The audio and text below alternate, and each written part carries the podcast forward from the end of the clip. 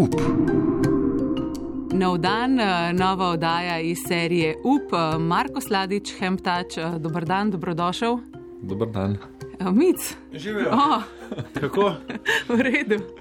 Tudi pri meni je v redu. Zelo sem vesel, da imamo uh, Marka danes v, pri nas. Mi se poznamo že nekaj časa, ima eno zelo zanimivo temo, ki se mi zdi, da je. Da je malo ne znamo prijeti, ne znamo se najbolj ne pogovarjati, pa se veselim, da bomo danes malo obelodanili kakšno zadevo, kakšno neznanko. A tema je pa, če moški tudi potrebujejo naravno kozmetiko. Ali? Točno to sem imel v mislih, Hanja, hvala za lepo istočnico. Izvoli, zdaj pa naprej odvodi to zanimivo oddajo o moški kozmetiki. Ja, zdaj sem se poslala v smer brez povratka. Um, Marko, ne, se lahko kar takoj začnemo. Hemptače, zeleni dotik, se je reklo včasih v slovenščini, ne vem, če še vedno uporabljate dvojnico. Ja, ne. A, še vedno včasih ja. smo v bistvu uporabljali dotik konoplje uh -huh. in smo zaradi. Uh, Facebooka pač to zamenjali, ker nam je blokiralo glase in smo upali, da bo z zelenim dotikom, z domeno zeleni dotik, kaj boljš, pa ni bilo nič boljš. Ups. To je Miceva um, priljubljena tema, oglaševanje na Facebooku, ki ga um, naskončno navdušuje, pa tudi jezi včasih. Ja. ja, zdaj so zdaj težave. Me, ja, zdaj se me predstavlja tako, da sem totalni zagovornik eh, gospoda Zuckerberga. Mislim, da gre vse v kontrasmer zdaj, uh mhm. -huh. sploh zadnje čase. To, kar sem prej rekel, da se poznamo, glih iz tistih časov, no, ko sem jaz tudi uh, slučajno nekaj tangentiral na, na, na Hemp Touch takrat in mal poskušal pomagati pri oglaševanju tega takrat na Facebooku. Ja, pač to je bil, to je bil zitne, to nikamor se ni premaknilo. Jaz mislim, da zadeva se niti približno ni izboljšala. Me zanima, kako, kako rešujete, no, kakšne pristope mogoče uporablja zdaj. Ker...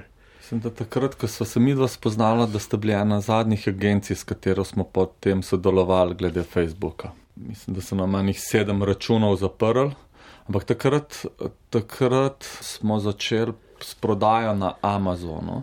CBD kapljice so bile zelo popularne, bili smo bestsellerji in smo vso manjko, ki se je zgodila s Facebookom, nadoknadili na Amazonu.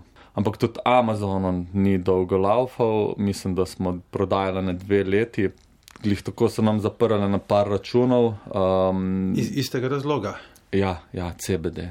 CBD oziroma ja, konoplja. Tako da pač nas ne mara Amazon, Facebook, Google, ja, zelo težko je oglaševati in mislim, da bi.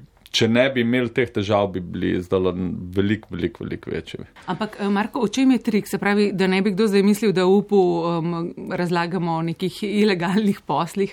Kako je zdaj urejeno um, s konopljo? Ker recimo Hemtač je imel tudi um, lani poleti, mislim, da jumbo plakate po Sloveniji. Še vedno ta trg ni čisto urejen. Facebook, Google, Amazon pač imajo politiko, na globalni ravni in zaradi tega nočijo delati izjem. Kozmetika iz konoplje je čisto legalna, ampak oni nočijo delati izjem za katerkoli del sveta in pač za njih je prepovedano in se tukaj stvar zaključi. Kozmetika iz konoplje, se pravi ta naravna kozmetika, um, tvoja tema, tvoja strast. Um, začel si v majhni ekipi, mislim, da sta bila dva. Začeli smo trije, to je bilo 2014, smo odprli podjetje, zdaj nas je 12. Še vedno majhna ekipa, ampak ja. Kakšne vloge pa so teh zaposlenih? Za administracijo dve osebe, pa pakiranje, še tri, tem je v marketingu, so štiri, razvoj ena, en je nabava, organizacija, pa še ena oseba prodaja rad bi se vrnil nazaj na marketing, ker me zanima, kako rešujete, kaj delate. Mislim, zadnjih dve, tri leta najv, smo največ oglaševali oziroma delali marketing preko Instagrama. Tam se nam je mislim, res lepo obrnilo vse skupaj.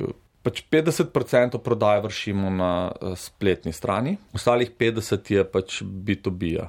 Od tega je največ na japonskem trgu, pa uh, češki trg je tudi fulmočan ta Instagram pa influencerstvo se nam je kar obvrstovalo s tem, da se tudi to zdaj spremenja. Glej, to me je zanimalo. Imajo tudi tam težave, verjetno zdaj. Ja. V bistvu v letošnjem letu je tako, da nam je prodaja kar padla in razlogov je pač od gospodarskih sprememb post-COVID-a um, in tudi uh, dosega Instagramerjev. In zdaj iščemo nove rešitve. Se mi pa zdi, da bo naslednjih dve leti kar težko. No.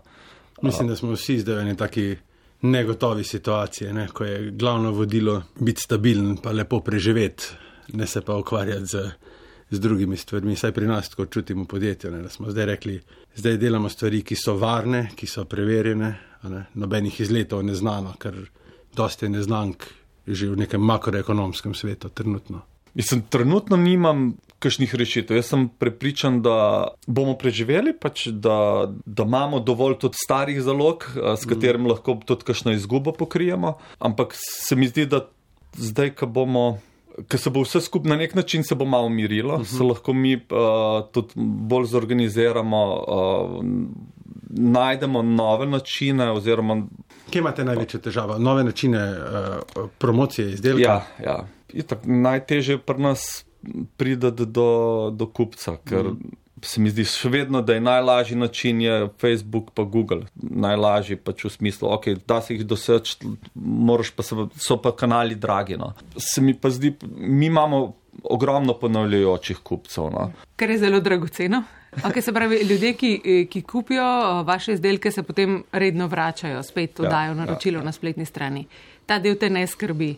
Ali tudi? Ne, ta del me ne, oziroma s temi kupci moramo biti več v kontaktu. Ker lahko dobivaš nove kupce, pač se usmeriš na to, ampak pozabiš mogoče, da, uh mhm. -huh. da je tisk, ki od tebe kupuje največ vredno, oziroma se ne ukvarjaš dosti z njim. Ker so mogoče samo umevni, ne pa jih ja, pozabiš, ja. to smo si. Se pišemo čez, uh, zahvale za peto naročilo, deseto naročilo, dajemo darilca. Sem še vedno ta stranka se mi zdi, da lahko njen glas pomeni največ. Ona, ona lahko največ nekih novih kupcev brpeljala.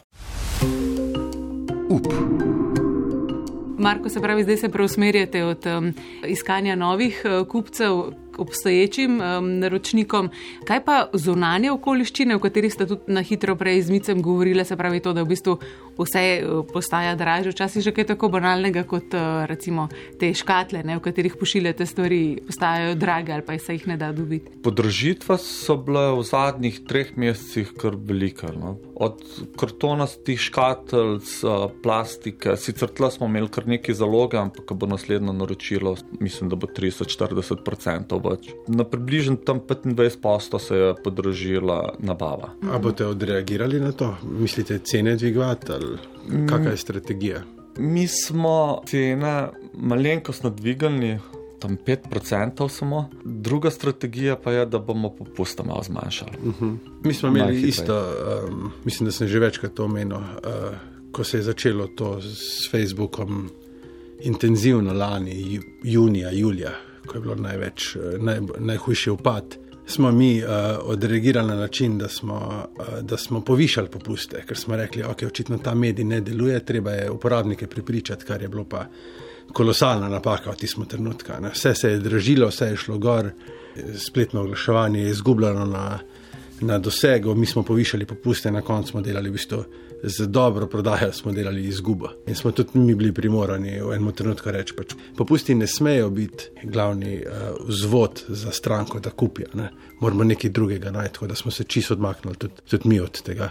Kozmetični industriji so popusti, so neka stalnica.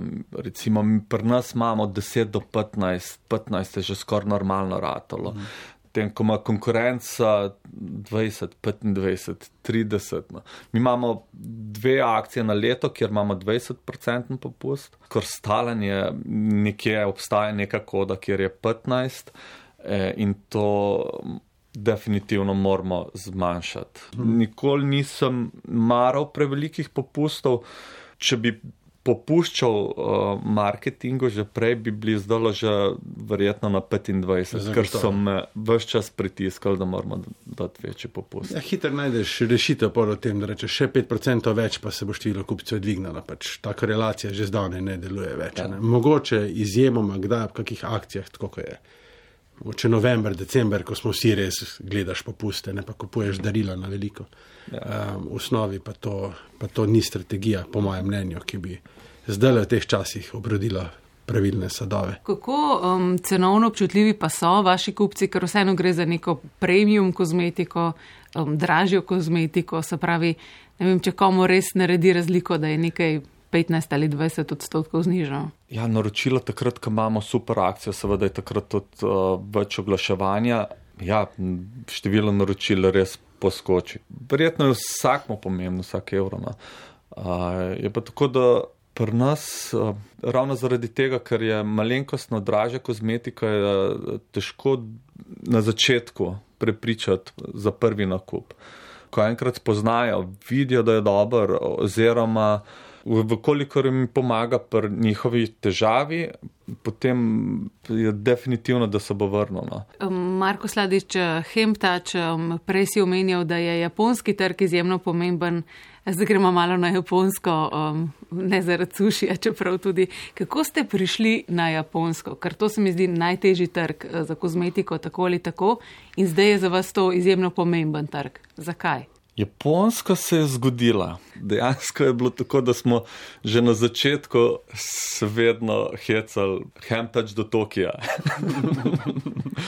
In potem je prišel um, nek eh, Japonec, ki se je ukvarjal z vapingom in tekočinom, prišel do sosedov, vape natura, je iskal tudi CBD uh, kapljica. In potem ga je ta sosed napotil k nam in smo japonsko začeli s CBD-jem. Oni so prodajali na Rakotenu in je bilo podobno kot Amazon, res je bilo ogromno naročil. Ja, začeli smo s CBD-jem, potem smo jih prepričali, oziroma pač veliko smo se pogovarjali o naši kozmetiki in so se odločili, da bodo začeli prodajati tudi kozmetiko in zdaj kozmetika že dosega 50%. Ful imamo pridenga partnerja, ki se res trud nas izpostaviti na elitnih lokacijah, v bistvu dela ful na uh, končnih strankah, na, uh, v, na fizičnih trgovinah, so skupaj lepo rastano. A pa se ti zdi na splošno azijski trg, vaš cilj?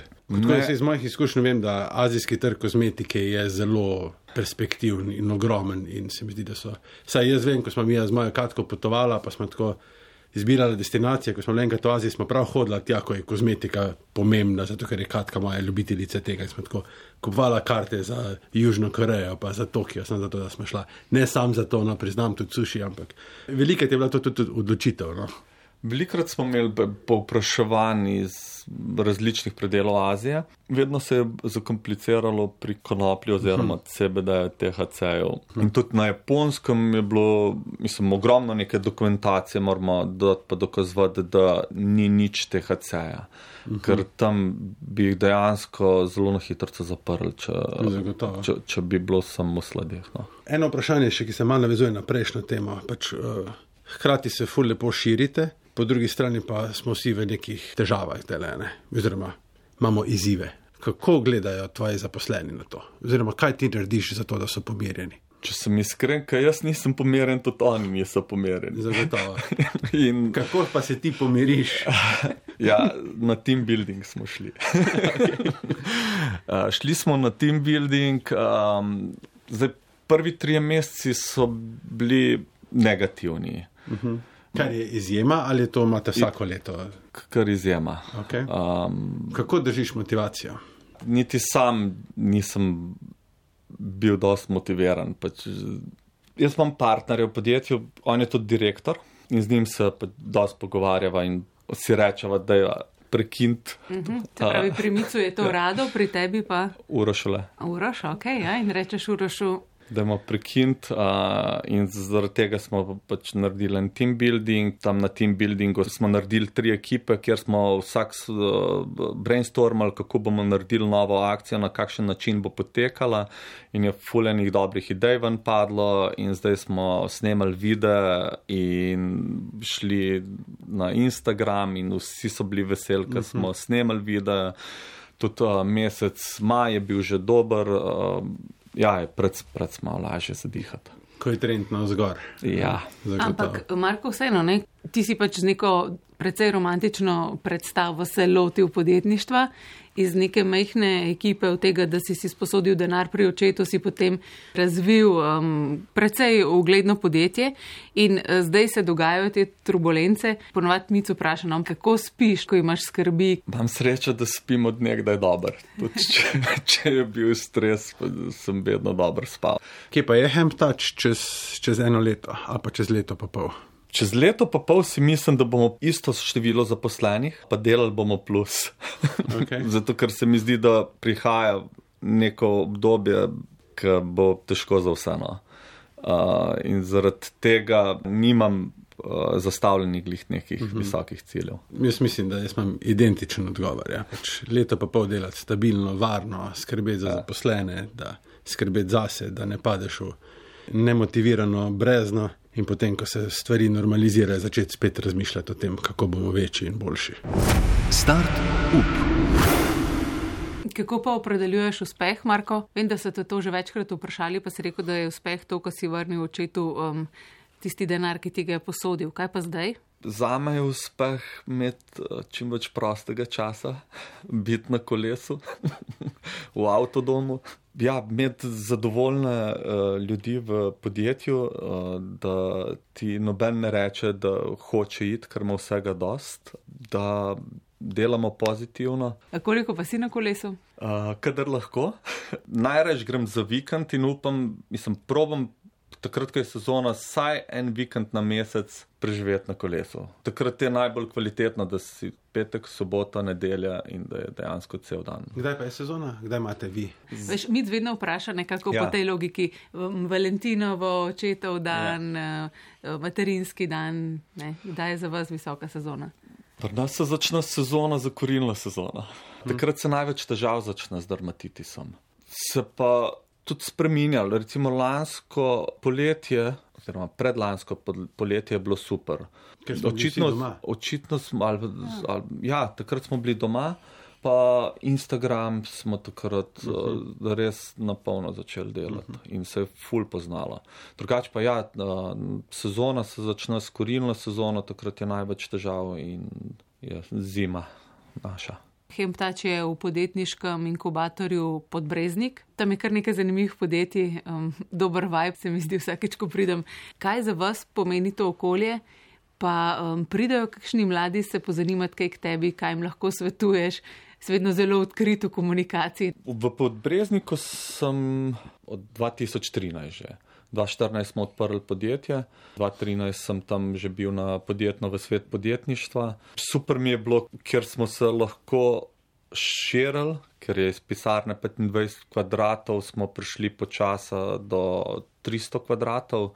Tam so bile tudi različne delavnice, kar nekaj ljudi sem spoznal, z velikimi smo tudi sodelovali.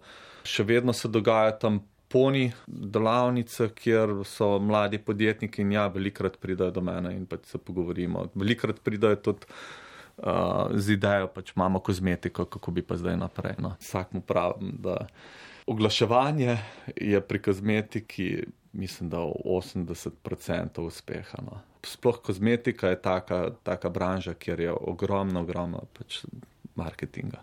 Kaj pa kakšen nasvet eh, čisto z tega podjetniškega um, stališča? Mislim, kar je bilo meni dobro, je to, da nisem bil sam. To je prva stvar. Še toliko dobro, da sem prepričan, da sam ne bi mogel uspeti. Druga stvar, ki je zelo pomembna, je, da imaš neko širino. Ker recimo jaz sem na začetku delal od dizajna, spletno stran sem se lotil delati, kar se tiče vse nabave, razmišljal sem, bomo, kako bomo polnili, etiketiranja, da prodajni kanali, kje bomo marketing delali, povezoval sem se pač neko širino sem imel. Kar mi je pa manjkalo, je, so imeli pa ostali. No. Mogoče malo provokativno vprašanje, ali pa tudi te. Dan danes, vi ste firmo naredili 2013, 2014. 2014. Tudi mi takrat. In se mi zdi, da takrat še ni bila tok, še ta uh, start-up žargon ni bil tako prisoten v Sloveniji. Ni se še to govorilo o investicijah, pa o teh stvarih. Saj ni bilo mogoče tako dostopno, kot je danes. A se ti zdi, da ta denar, ki ga, ki ga mogoče mlada podjetja dobijo lažje, pa hitreje, tudi pokvari njihov začetek oziroma njihovo pot? Ali misliš, da znajo pravilno, da so vzvodi pa mehanizmi, ko jim pomagajo, da to pravilno poinvestirajo? Dejansko ne morem, ne vem, ker ne poznam. Kako, kako je bilo pa tebi, ti si imel pač od, od očeta kredit, kar se mi zdi, to je še vedno tvoj denar. Zelo bolj preudarno delaš s svojim denarjem. A, a si pogrešal investicijo na svoji poti? Takrat mi smo dobili uh, 5-2. Okay. In uh, da smo dobili 5-2, sem si tudi sposodil denar. Uh -huh. okay. Dejansko sem ga pa tudi rabo. Pač, um, in s tistim denarjem takrat je bilo, mislim, da to 65 tisoč evrov, ki je prihajal v različnih obdobjih. Vem pa, da je bilo tako, da, da smo ravno zapravili, glih na nulo smo nakop, ko prišli, pa smo dobili uh -huh. nova injekcija. Jaz sem vse hotel narediti, sem, da, mislim, da ne propadamo. Bili smo pa zelo, zelo blizu. Pač. Brez uh, P2-ja bi definitivno že avgusta 2014 zaprl podjetje. Ste pa pravilno investirali ta denar? Tisti denar je šlo, veliko je šlo za plača, mislim, veliko. Ja. Bili smo na minimalcu, ampak še zmeraj, glede na dohodek, ki je takrat na prodajo, je kar nekaj za plače, pa marketing. No. Enkrat sem računal, koliko bi potreboval lastnih sredstev, da, da sem prišel na nulo, sem prišel do številke 80 tisoč evrov tam nekje. In ti ni bilo nikoli žal, da si nisi za ta denar kupil um, prestižen avto ali avtodom? Ne, kje, mislim. Jaz sem full vesel, no, pač, da se je stvar res tako odvila. Jaz se spomnim 2014, v koncu poletja je bilo, mi smo imeli dohodka, ne vem, 2000 evrov na mesec. No. In potem sem, uh, mislim, da mi je Maja Voje, uh, mi je svetovala eno agencijo, do katero sem šel, smo naredili eno spletno stran, en landing page uh, za en produkt um, in so ga oni oglašvali preko Facebooka. No. In takrat je dejansko naredil sem nekih 500 kosov, mi smo šli na Facebook in smo takoj, v dveh dneh smo takoj prodali in potem smo bili avtostok in naslednja serija je bila 2000 pa 2000 in smo v parih mesecih uh, brez rastel s tem, da je v enem mesecu je promet skočil iz 2000 na 20 tisoč evrov. Jaz sem mislil takrat, da sem o, ultra bogat, a, da ne bom rabo več delati skar, da, da sem isti a, model, pa zdaj širimo še na Italijo, pa Nemčijo in to bo čez dve leta bo multimilionar. Mm. Vsi smo bili v enem trenutku v tem mindsetu. in potem čez tri mesece ti zaprejo Facebook in se zjokaš. Žalosten je. Kakšen je zdaj promet? Okrog milijona, milijon dvesto. Koliko tega je Slovenija? Slovenija je nekje 50%. Aha, 50% je tujina. Ja, ja. Marko Sladič, hvala lepa za obisk, pozdravi ekipo in dobro delate, ne? predvsem to leto pa pol zdaj bo ključno, če sem prav razumela. Hvala vam za vabilo.